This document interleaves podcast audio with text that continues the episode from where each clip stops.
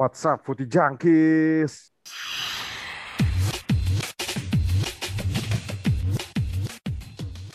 Tahu apa kamu soal bola? Yo, what's up, Putih Jangkis? Balik lagi bersama gue, Tanti Ojek di Sepak Pojok. Tahu apa kamu soal bola? Ya, sudah memasuki Euro hari ke match day 2 sudah selesai nih ya. Per hari ini sih sudah selesai. Ini malah udah jalan match day 3 gitu ya. Bersama gue, Tanti Ojek. Tadi ada suaranya Ferry. What's up, Fer? Halo. Lu kemarin habis pulang dari ini ya, dari Wembley kayaknya. Iya. Habis Tidur gua di sana. Tidur Ferry di Wembley. Terus ada Huda juga. What's up, Hud? Yo, what's up? Assalamualaikum. Waalaikumsalam. Kita sekarang minus Aldi. Aldi yang sedang liputan di markasnya Atalanta. Sepertinya dia lagi nge-scouting-scouting pemain Atalanta kan Aldi. Atau ngurus cupangnya gue juga nggak tahu. Tapi kita eh, nggak mau langsung nggak mau langsung berterus terang aja ya gitu. Gimana Hud? Katanya COVID di Jakarta makin parah nih Hud. Ya? Ya, COVID di Jakarta parah sih. Ini harusnya sih stay at home ini. Stay at home ya. Harusnya sih stay at home ya. Katanya mau dibikin ini lagi ya. PSBB Tarik rem dua. da- apa tarik ya tarik rem apa? Darurat ya katanya. darurat. katanya. Ini emang parah sih ini. Gue Iya juga kan? bingung nih. Lu kemarin lihat berita nggak sih yang katanya di Madura anjir malah diserang anjing posko-posko Oh penyekatan. ya, kalau yang gitu itu gue lihatnya dari dari YouTube-nya Tretan Muslim. Oh iya iya, gue juga lihat dari situ. itu di- yang Y itu Y yang Iya, episode-nya itu anjir. Itu gue juga, parah banget ya. iya gue juga bingung ya. Maksudnya, Madura. maksudnya mereka tuh ngasih swab gratis gitu gitu. Malah diserang anjir, gue juga bingung dah. Malah dirusak anjir. Parah sih, gue nggak tahu lagi. Ya mungkin hati-hati aja. Karena kenapa kita ngomongin masalah COVID nih bersinggungan dengan Euro juga. Kemarin kan kalau kita nonton di grupnya Puskas Arena ya di Hungaria tuh bisa full house gitu cuy. Iya ya Fer. Bener. Bisa it- udah bisa full full penonton di sini masih sana ngurusin bisa, bisa full. Nah, di ini. sini izinnya belum dapat. Iya di sana izinnya belum. Pak. Terus yang gue baca tuh katanya juga angka COVID di Hungaria tuh juga udah menurun drastis kan. Terus semua semua Ya. rakyatnya udah divaksin ya Fer ya, kemarin ya. Udah udah apa? Udah ini udah udah mencapai threshold eh, minimal segini buat dapat apa sih herd herd immunity gitu. Jadi Hmm. sekitar 70% 80% begitu lah. Gila sih, tapi Hungaria selalu sih. Makanya gue pertama kali yang pas Hungaria lawan apa Portugal itu kan, anjir full house cuy, gila. Gue terus gue langsung googling googling, ternyata emang gokil sih gitu. Dan ya emang keren aja sih Hungaria gitu. Kemarin akhirnya dia bisa dapat poin pertama kan, dia nahan seri juara dunia. Dan gue nggak nonton, gue gue kemarin kasihkan nonton anime baru cuy. Makanya gue nggak nonton, gue nggak tahu gitu kalau tiba-tiba oh Prancis main ya. Karena gue yang gue inget cuma Portugal sama Jerman sih jam-jam jam jam 11 gitu. Tapi kita mau ngomongin masalah Euro nih, nah ini so far nih baru ada tiga tim sih yang udah lolos. Dan kita kayaknya nggak bakal ngomongin grup A ya. Nih yang bakal sikut-sikutan nih Swiss sama Turki. Jadi pas podcast ini naik, hasilnya sudah keluar.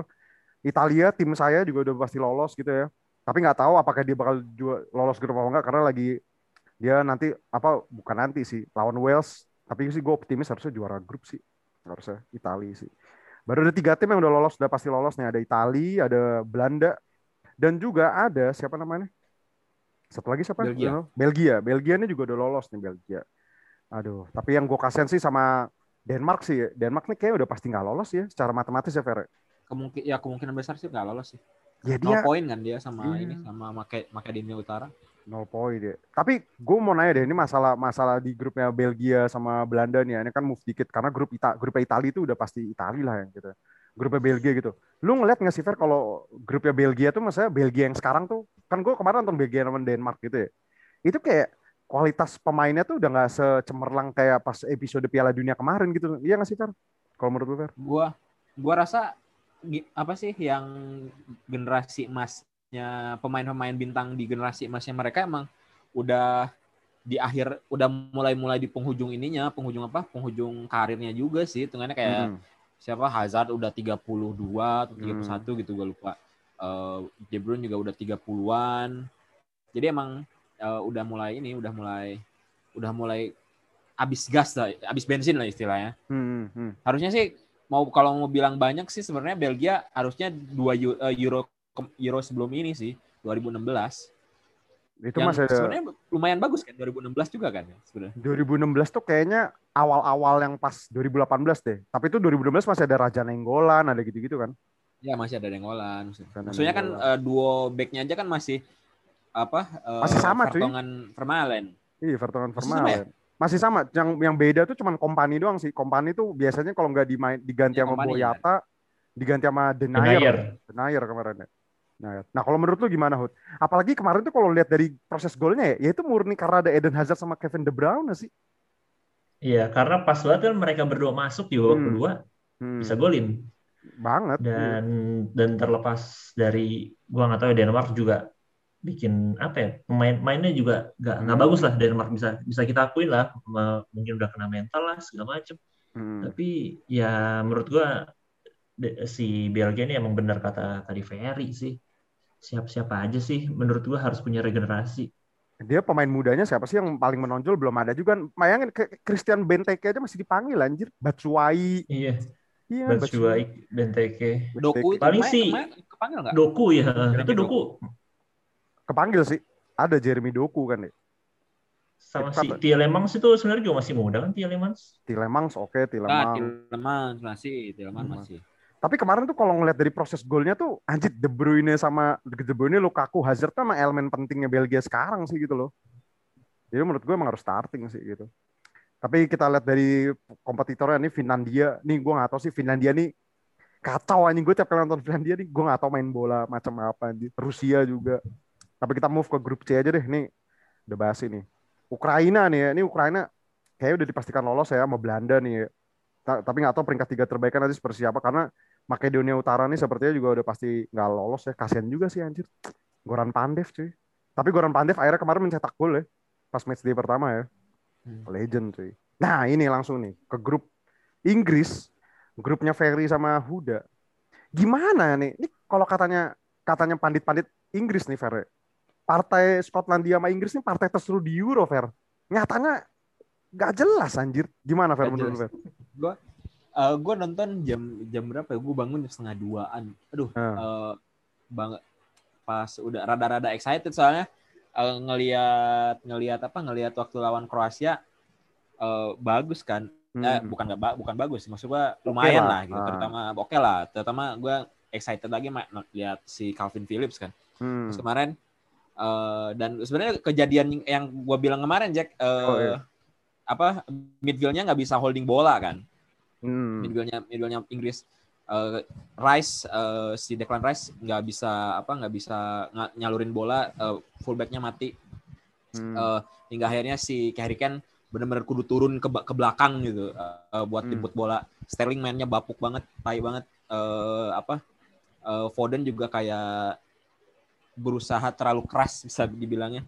Eh, kayak gitu. Jadi eh, rada mengecewakan sih gue berharap sih lawan kalau emang ma- mau ngejar juara grup atau mau ngejar eh, bermain full gue harap sih Jack Grealish, Henderson sama Sancho main lah minimal Sancho tuh masih 0 menit ya di Euro ini ya. masih 0 menit masih 0 menit bahkan Nol yang menit. match lawan Kroasia tuh nggak nggak masuk bench dia itu Oh, oh iya Kroasia tuh nggak masuk bench Iya, loh.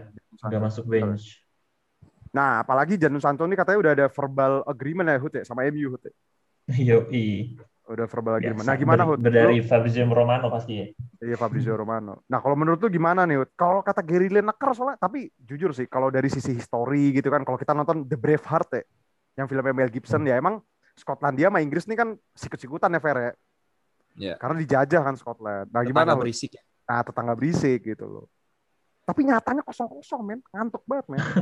Ngantuk banget itu itu aduh gue tuh beneran true story sih gue sih ketiduran men tidur itu iya. apa nonton tuh karena jam 2 kan gue tuh Hmm. nonton kok di, di di tablet gitu kan sambil tiduran Hmm. Set. kok kagak ada seru-serunya ketiduran gue beneran dan pas gue lihat highlight atau nggak lihat komen-komen Twitter gitu itu anjir apalagi yang namanya Sterling ya itu Nah, sampai dibikin ada meme cuy. meme-nya tuh yang Marah-marah ya. Yang orang marah-marah ya. marah-marah oper oper gak ngoper-ngoper juga akhirnya diving bola aduh Iya, diving hilang ya. bola gitu aduh aduh gue kayak aduh gue sih nggak tahu ya mungkin orang tuh terlalu kayak ngebangga banggain Inggris padahal sebenarnya Inggris tuh masih ya gitu-gitu aja menurut gue Hmm. lu yang penghasilan 2018 kemarin Piala Dunia itu lebih kepada ya emang perjalanan lu emang lagi bagus aja lawan lu lagi lagi nggak begitu bagus aja Hmm. itu juga sebenarnya lu bisa masuk final gara-gara kalah sama ini doang kan Kroasia di semifinal gitu Hmm. jadi menurut gua susah sih kalau kalau nanti udah ketemu 16 besar macam ketemu ada kemungkinan lawannya siapa Jack? Eh, grup dari mana gue lupa tadi Kalau nih, kalau tadi gue gue liat bagana nih ya, kalau Inggris besok itu juara grup, itu lawannya itu pasti runner up dari grupnya grup neraka tuh, grup F ya, grup neraka. Tapi kalau misalkan dia jadi runner up juga, dia bakal lawan runner up-nya grupnya Spanyol. Nah, Spanyol ini kan juga masih angin-anginan nih, belum tahu juga dia bakal jadi juara grup apa apa. Ya sebenarnya sama aja bohong. Kemarin kan ada yang ngomong ya, nih Southgate nih master class gitu loh. Dia tuh sengaja mau runner up apa gimana, biar lawannya enteng. Ya belum tentu juga nggak sih? Apa iya kalau menurut kalau menurut lu sendiri nih, emang kalau misalkan Inggris nih suatu suatu saat ketemu tim-tim sekelas kayak si atau siapa ya Polandia lah atau atau sekelas apa gitu kan belum tentu menang juga kan ngeliat performa Inggris kayak gini. ya iyalah itu itu gua ngelihat jangankan sebenarnya nggak dari yang match kemarin ya dari yang Hmm. pertandingan pertama juga sebenarnya agak agak agak membosanin sih cuman Hmm. untungnya ke apa ya masih lebih bagus lah kayak si Calvin Phillips saya bener kata tadi si Ferry kan mainnya bener-bener oke lah gitu Hmm. terus dari segi eh, si bahkan gue bisa memuji juga lah si Trippier yang main di left back aja juga bisa oke ternyata gitu Hmm. tapi eh, itu menurut gue masih belum belum belum bisa belum bisa 100% dikategorikan sebagai calon juara ya Hmm. jadi gue masih gue masih lebih senang ngelihat Portugal sebenarnya walaupun kemarin kalah ya Hmm. waktu pas di match pertama sih ya kelihatan sih susah juga lah gitu ngebu- Hmm. ngebongkar tapi serangannya tuh masih lebih ada gitu loh Hmm. dibandingin Inggris yang benar-benar kayak hampir nihil serang- serangan gitu shoot on target itu benar-benar dikit banget gitu atau Hmm. bahkan gue lebih seneng juga ngeliat Belanda kemarin main juga tuh yang Hmm. akhirnya juga bisa bisa ngunci eh, ini ya ngunci lolos ke 16 Betul. besar ya karena udah dua kali menang gitu jadi ah udahlah gue mendingan lihat nanti pas udah di apa babak gugur aja sih Hmm. Heeh, 16 besar Nah, It's not berarti coming home. It's not coming home. Nah, gimana Fer? Dengan tagline it's it's coming home ini media Inggris tuh lu setuju gak sih media Inggris nih kadang exposure nih terlalu lebay anjir. Eh, iya emang. Gue gimana Tiap ya? tiap Gua event, tiap event kan, tiap Tiap event. event. Tapi tapi lo kalau kalau bukan eh, ngomongin-ngomongin yang kayak podcastnya kayak kita gitu, ya bahkan Hmm. yang di Inggris pun Ya. eh, mereka ketika di, ketika ngobrol, coming home nggak? Kagak, kagak. So, hampir Iya. semua kagak gitu anjing. Hmm. Cuman cuman apa? Cuman cuman rata-rata media Inggris. Dan gimana ya? Eh sebenarnya gua sih berharap eh, Inggris nggak nggak nggak nggak apa nggak nggak maju terlalu jauh gitu karena kalau maju terlalu jauh gua rasa FA nanti bakal Jumawa. semacam ada validasi kalau oh udahlah sakit aja gitu. Ya gue susah. Jadi gua pengen sih nggak nggak terlalu jauh lah. Eh, 16 besar cukup lah. Nanti kalah sama Spanyol apa kalah sama Jerman ya juga nggak apa-apa gua. Cuman Hmm. nanti apa eh, yang yang masuk gantiin Southgate harus Sam Pelatih Allardyce. Sam Allardyce. Iya jangan Sam Allardyce juga anjing. Lagi. Sam Allardyce. Sam Allardyce. pelatih asing lah pelatih asing Fer Gue eh, gak berharap pak, kayaknya agak susah pelatih asing, tapi Hmm. minimal eh, rada yang rada possession attack main base lah, kayak mungkin eh, Eddie Howe, Graham Potter, Frank Graham. Potter. Graham Potter juga lumayan. Graham Potter. Eh Graham Potter gitu-gitu diincar sama klub-klub gede Liga Inggris loh sekarang. Iya, Graham dia kan Potter. dia tuh di mana ya? Gue lupa kemarin tuh. Di ini apa namanya? Graham Potternya ini Swansea ya Brighton, Brighton. Bukan. Iya, Brighton. Bra- iya. oh sorry sorry Brighton, Brighton Brighton Ah. sekarang, dia Brighton sekarang. Mm-mm, di Sorry, sorry. Brighton gitu. Gue berharap sih atau minimal Frank Eddie Howe Lampard, sama Frank Frank Lampard. Lampard. Nah, Frank Lampard sama Eddie Howe. Berapa dia? Anjing. Sam Allardyce lah, men 100% men di Inggris, men. Satu Satu match doang Dia- anjing. dia sekarang bukannya jadi pemain poker ya apa sih Nggak tahu gue anjir tuh orang. Gua Main itunya deh gue main mancing kayak dia sebenarnya CRM sih. Tapi tapi kemarin tuh aja lah dia. Eh tapi kemarin tuh perdebatannya katanya pemain nah, di standar Inggris tuh mungkin kata katanya mungkin butuh sosok nomor 10 gitu loh Fer karena Jack Grealish nih banyak yang ngamuk-ngamuk gitu loh. Emang impactnya sebesar apa kalau Jack Inggris main kalau menurut lo Fer? At least better dari Sterling lah. Gue bilang kayak gitu aja. Atau lu Hud, mirip gimana Hud Jack Grealish? Lu setuju gak sih Jack Grealish tuh harusnya starting line up gitu loh? Eh, kemarin kan dia main ya Eh, Main, pas ya. pertandingan Pemain kedua babak kedua, babak kedua. babak kedua cuman emang masih belum kelihatan aja impactnya dan menurut gue juga dia main sepanjang dia main di untuk timnas ya itu tuh masih kayak Hmm. di bawah jumlah mainnya jumlah menit mainnya itu masih kayak di bawah Phil Foden ataupun si Mason Mount kan jadi Hmm. gua gua belum bisa ngemastiin banget emang si Jack Grealish sebagus apa dan dan kayaknya kan Inggris juga kan kayak masih punya yaitu Phil Foden yang harusnya bisa Hmm. jadi di belakang striker kan juga oke lah gitu. Hmm. atau mungkin siapa sih yang dipanggil sih si Sancho lah gitu yang mungkin Hmm. emang mainnya bisa lebih bagus daripada Sterling tadi kok kata si Ferry gitu atau ya Rashford juga kan dari awal juga Ah. mainnya selalu dari cadangan gitu kan nggak belum kelihatan impact-nya gitu gue gue ngerasa kan? kayaknya Gimana ya sih faktor itu juga mungkin Hmm. mungkin nanti ada kemungkinan di pertandingan ketiga nanti sih Hmm. Tapi kayak menurut gue tuh Sterling tuh udahlah enough lah anjir jangan dikasih kesempatan. Maksudnya Rashford aja gitu loh dari pertama atau Sancho gitu kali gue gua, gua gua berharap sih kalau nanti emang eh, pas lawan Ceko Hmm. tiga orang itulah yang benar-benar dimainin gitu Henderson eh, si Grealish sama Sa- Jadon Sancho gitu udahlah jangan maksud gua Calvin Phillips masih oke cuman eh, Declan Rice ini yang rada-rada dia nggak bisa eh, progresi pas gitu loh Jack maksudnya eh, Hmm. Calvin itu kalau gua umpamain kayak yang pressernya gitu yang hobi Ya. pressing ke sana kemari kan Eh, nah si Henderson ini yang termasuk orang yang suka long ball-nya gitu karena Hmm. menurut gua Declan Rice bukan tipe kalau midfielder kayak gitu gitu. dia lebih ke DM ke defensif aja kan sebenarnya. DM defensif yang apa yang yang yang yang pure defensif kan. ya karena emang dia posisi awalnya kan emang center back kan dia baru Hmm. Center agak back, dorong ke depan aja Heeh. Hmm. Tapi ya kita lihat aja Inggris apakah tahun ini it's coming home lagi. Tapi ya udahlah, maksudnya kemarin tuh begitu menang.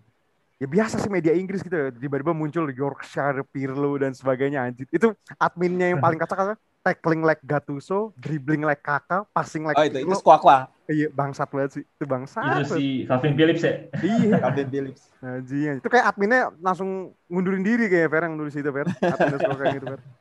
Gila sih.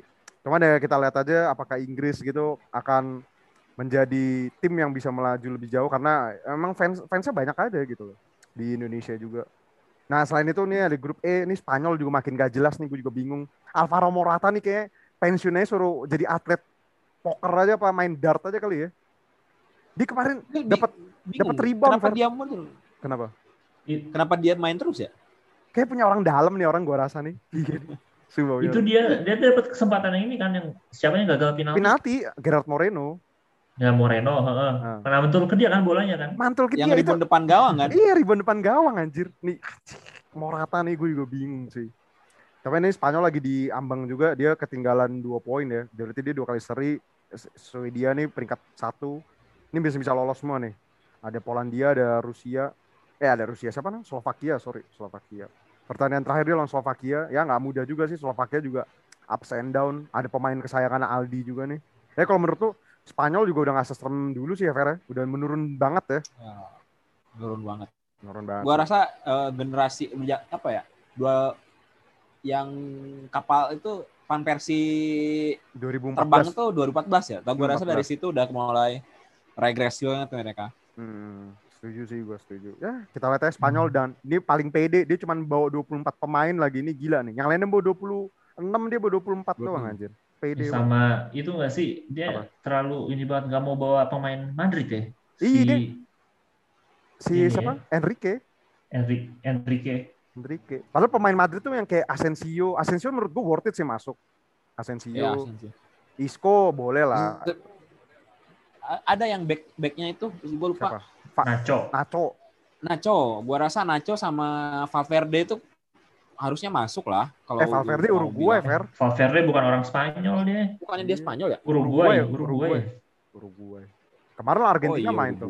Copa America. ngomong ngomong ini Madrid si Ramos ini ya udah pasti bakal ninggalin Madrid ya Oh iya, kemarin breaking news ya, Pak Ramos ke MU nih kayaknya. Beritanya kan pasti kayak gitu, pasti ke MU. Hud. Ramos. Sama kayak Wesley Snyder, sampai sekarang aja udah pensiun digosipin mau ke MU cuy, udah pensiun cuy. Wesley Snyder. Nah, kita pindah nih move ke grup F. Ini sebenarnya nih, gue yakin nih kemarin deh. Kemarin tuh begitu si Jerman ketinggalan 1-0, itu gue yakin media-media konservatif pasti udah pasti bikin nyiapin artikel Jerman gagal total ya nggak sih Fer? Iya pasti. Pasti. Akhirnya Soalnya, Begitu soalnya bukan itu, bukan Gimana? gitu juga Jack. Soalnya kalau udah kayak gitu, berarti kan dua turnamen major berturut-turut dia gagal. hmm, iya Kan? makanya. Kalau misalkan ini, tapi tapi alhasil menang dia akhirnya. alhasil menang kan. Nah kemarin tuh juga ini kan apa banyak yang ngomong Jerman Jerman tapi kalau menurut gue sih emang Portugalnya aja sih yang B aja ya nggak sih iya kan sih kayak B aja sih Portugal emang Iya, pemainnya lagi gua- bagus gua aja sih nonton itu. Mm-mm. Gue nonton sih kayak emang susah banget bongkar ya. Dan banyak banget setelah habis kebobolan dua itu ya, kelihatan banget kayak tengahnya kosong gitu-gitu deh. Hmm. Si Bruno juga mainnya jelek banget. Nah, apa kayak kayak nggak jelas menurut gua. Yang Bruno emang kayak nggak main. masih ada tajinya kelihatan banget sih si Ronaldo udah. Gol pertama kan dia golin, gol kedua asisnya dia loh. Dia tuh masih bisa terbang buat ngambil bola loh. Itu loh udah udah kayak mau out kan. Hmm. Ternyata masih dapat akhirnya si Jota yang golin dia. Cuman ya gitu, Jerman memang masih lebih di atas sih. Kayak si Robin Gosens lah, si bahkan si Thomas Muller gitu kan yang mainnya Hmm. juga lumayan. Kemarin tuh kan sisi kanannya si Portugal dieksploitasi banget kan sama si Gosens itu dari Joshua Kimmich itu pasti diagonal ke Robin Gosens gitu. Itu gue rasa uh, si Semedo lagi nongkrong kali ya, apa lagi ngopi cuy. Kecolongan terus aja nggak jelas tuh pemain lu. Makanya dia Sama dijual nomor 15 Jack, sama nomor 15 siapa sih? 15 ya Portugal. Eh, itu juga tuh yang gol yang si Robin Gosens apaan tuh kagak kagak jagain si Gosensnya. Ini ya siapa? Danilo Pereira apa siapa yang DM kan ya? Eh, ya yang bu- bukan yang nomor 15 kulit putih kulit putih. Kulit putih. Siapa ya? Rafa Silva. Rafa Silva bukan main babak dua Rafa Silva. Gua lupa deh coba ya. Itulah pokoknya menurut gua kurang banget ini sih. Beda banget lah eh, sama si ini mana ya? Nomor 15 Rafa Silva bener Jack, Rafa Iya, Silva Rafa yang Silva main. ya. Hmm. Tapi ya kedua yang golnya. Tapi emang Jerman kalau menurut gue sih layak menang sih karena ya kemarin bisa main bagus banget gitu loh. Dan kalau menurut gue timnya si apa grupnya Jerman, Prancis sama si Portugal nih malah Prancis sama Portugal sebenarnya mainnya B aja sih. Tapi ketolong kualitas pemainnya nggak sih, Fer? Kualitas pemainnya lagi bagus aja gitu loh. mereka mereka emang ini apa eh, mengandalkan eh, Skill kebrilianan individual gitu. Hmm. Gua rasa kalau kalau gua bilang ini ya bilang eh, tim di antara semua peserta Euro yang benar-benar kerja sebagai tim tuh Italia sebenarnya. Setuju. Yang benar-benar-. Yang benar-benar klop gitu secara tim gitu. Cuman ada beberapa tim yang emang eh, dibantu kebantu sama pemain-pemainnya emang luar biasa gitu ya. Portugal, Hmm. Prancis, Hmm. eh, ya Inggris juga nggak nggak kebantu juga sih. Inggris. Tapi gue jujur, gue Nah. gue gue rada rada rada kaget eh, Belanda bisa bermain lebih bagus daripada yang gue perkirakan gitu. Gue rasa Frank de Boer ini eh, bukan tipikal manajer yang eh, bisa berbicara banyak. Gue soalnya Frank de Boer Hmm. sebelum sebelumnya aneh-aneh soalnya. Iya iya. Iya sih, tapi kalau kalau berbicara berbicara bermain kolektivitas tim ya, itu emang paling kalau menurut gue so far nih ya, sampai sampai sekarang ini yang baru bisa bermain secara tim itu Italia bener. Sama Belanda, Fer. Gue setuju sama lu, Fer. Gak tau kenapa ya. Karena mungkin kita ngeliat Frank de Boer, ya track recordnya come on main jelek banget gitu loh. Kecuali di Iya, jelek Ajax. Ya kecuali di Ajax kan. Dan track recordnya dia di Belanda tuh juga sempat ups and down gitu kan. Mainnya jelek, mainnya bagus. Tapi begitu dia transformasi ke 5 back, 3 back itu malah lebih bagus sih. Dan yang gue kaget tuh kayak Patrick Van Aanholt tuh main mulu anjir. Gila sih. Patrick Van Aanholt man. Backnya Crystal Palace gitu loh. Tapi ini kemarin ngomongin soal kualitas-kualitas ya. Ini kemarin perdebatan kan. Kemarin ini banyak banget perdebatan di medsos gue nih. Katanya bintang-bintangnya Premier League itu sekarang lagi kalah saing sama bintangnya bintangnya Serie A nih, Fer. Kemarin tuh banyak perdebatan. Kalau dilihat dari statistik sih emang bener gitu loh.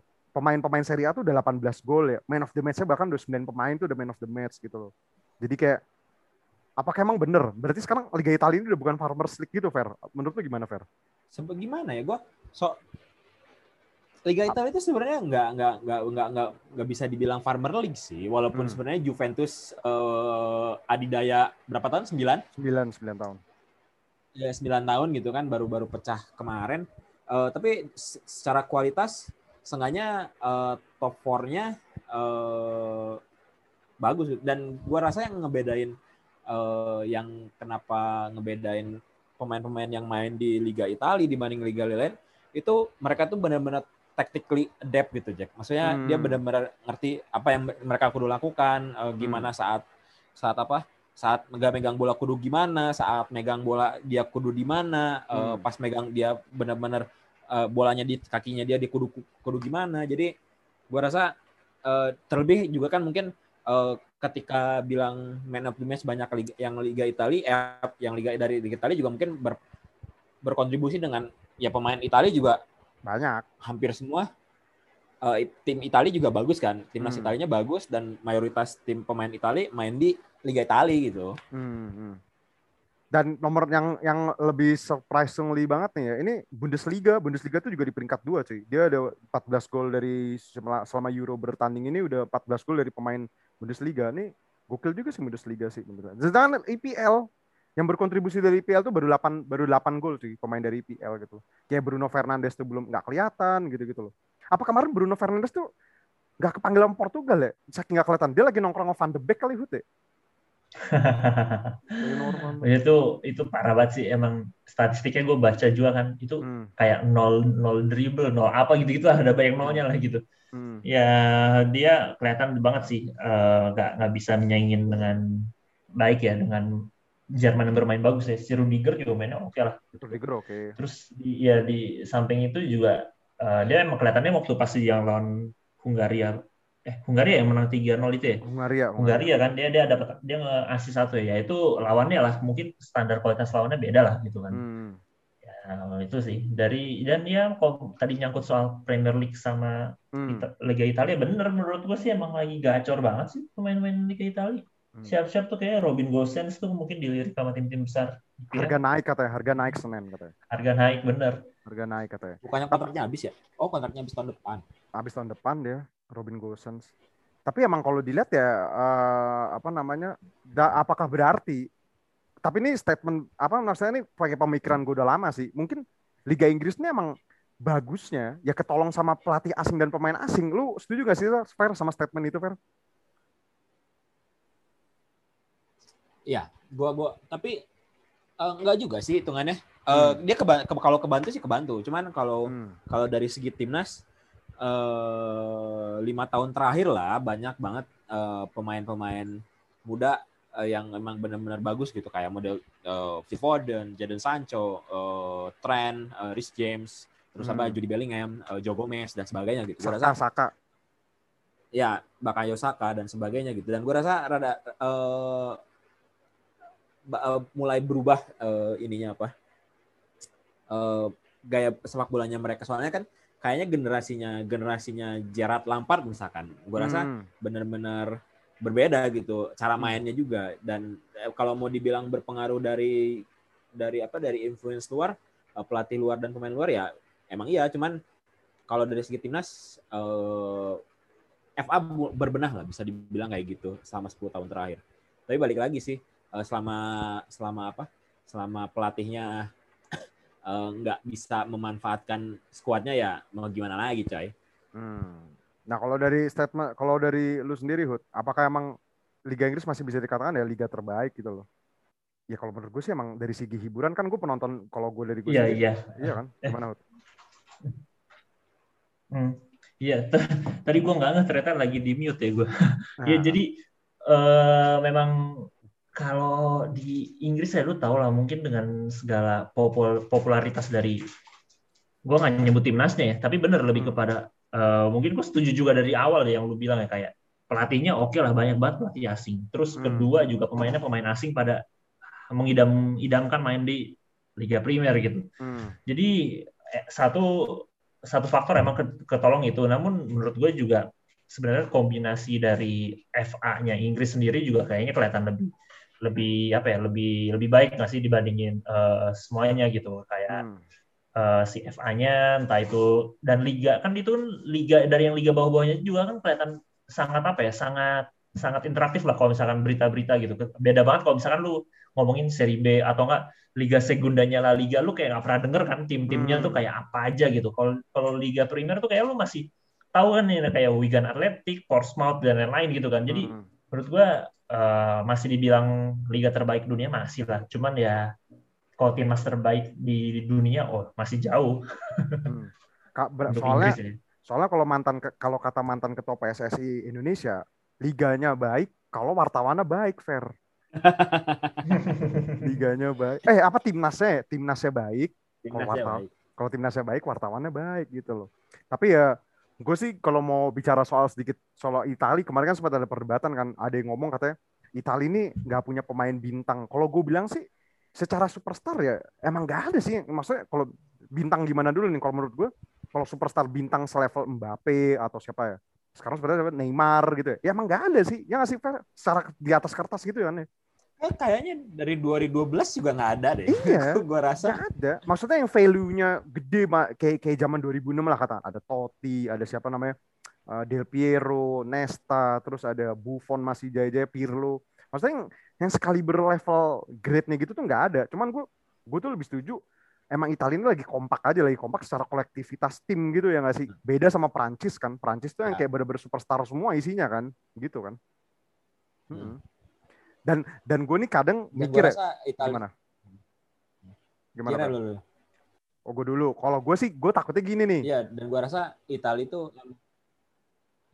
Anjing lah tabrakan Itu kalian gua nih ngomongin jadinya. goblok. Lu dulu, Jack.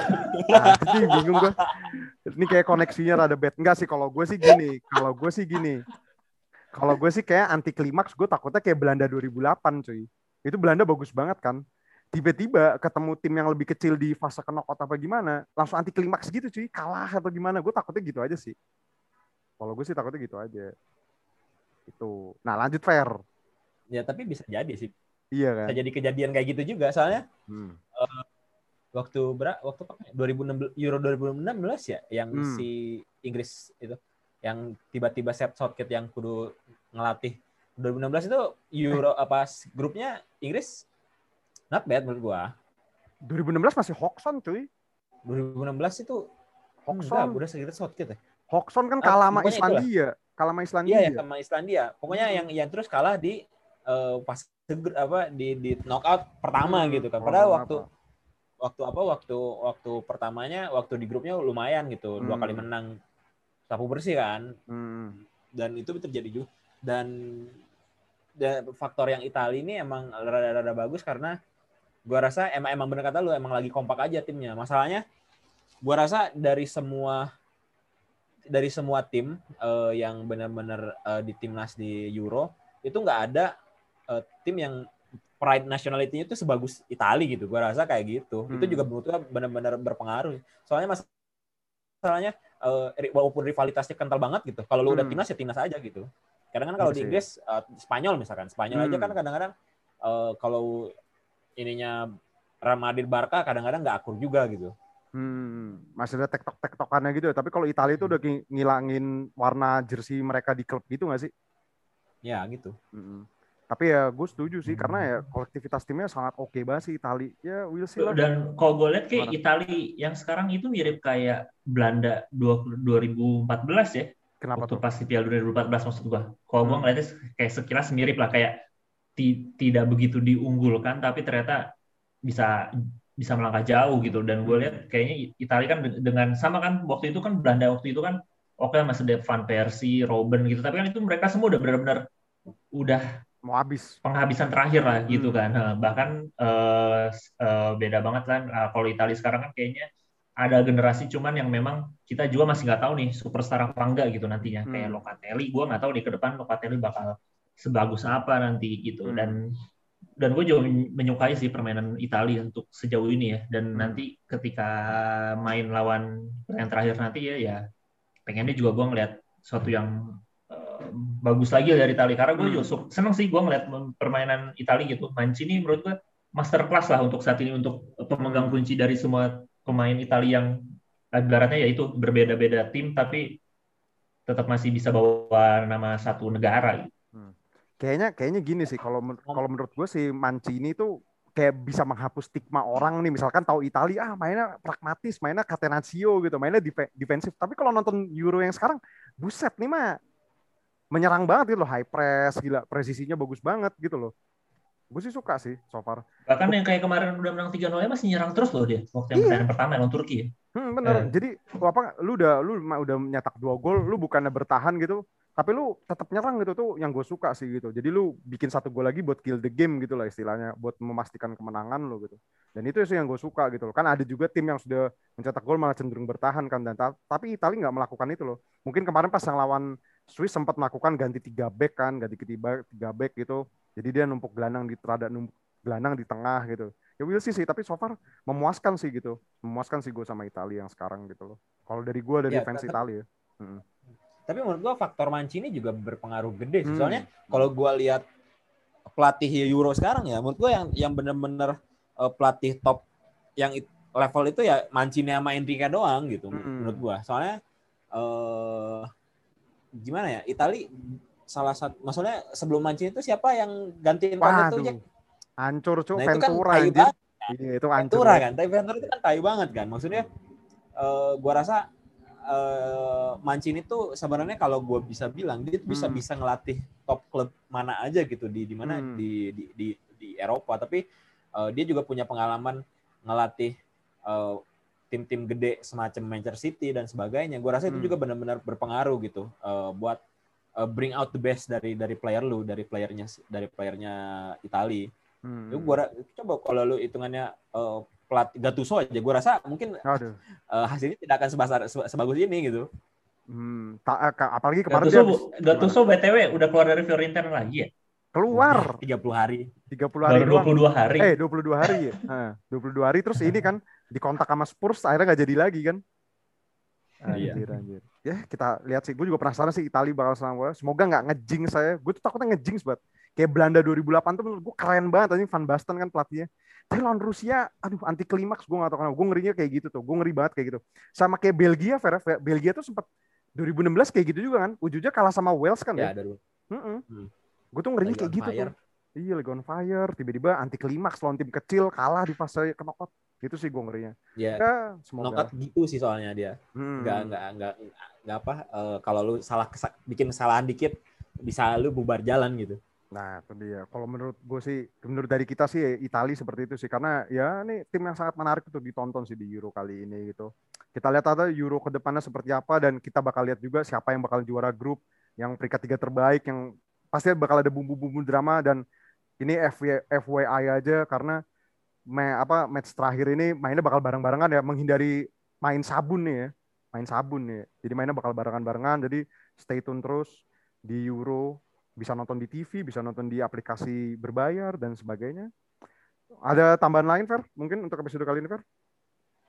Ya kita lihat eh, sampai knockoutnya siapa aja Hmm. minggu depan ya. Minggu depan udah ke knockout. Apa hari Kamis? Kalau nggak Kamis, Rebo tuh udah mulai ke knockout. Apa Kamis apa Jumat? Gue lupa. Mungkin seperti itu. Eh, match day terakhir grup itu semua di, dimainin satu hari ya kalau nggak salah. Dimainin satu hari, dimainin satu hari semua. Bareng. Itu menghindari match ini. Ada yang main mata gitu kan takutnya. Hmm. Akhirnya dimainin Ya, bareng. itu itu pasti sih udah biasa kan dari dulu ya. Oh, babak match 16 babak 16 besar itu hari Sabtu, men. Hari Sabtu tanggal 26 Juni. Hari Sabtu tanggal Kan. itu babak match 16 besar pertama. Ya kita lihat aja seperti apa nextnya. Ya mungkin itu dari kita, dari dari gua, Tante Ojek, tadi ada Ferry, dari Luhut mungkin ada pesan terakhir untuk It's Coming Home. Udah cukup deh, lihat aja nanti. Lihat aja nanti. Oke, I'll see you when I see you. Tahu apa kamu soal bola?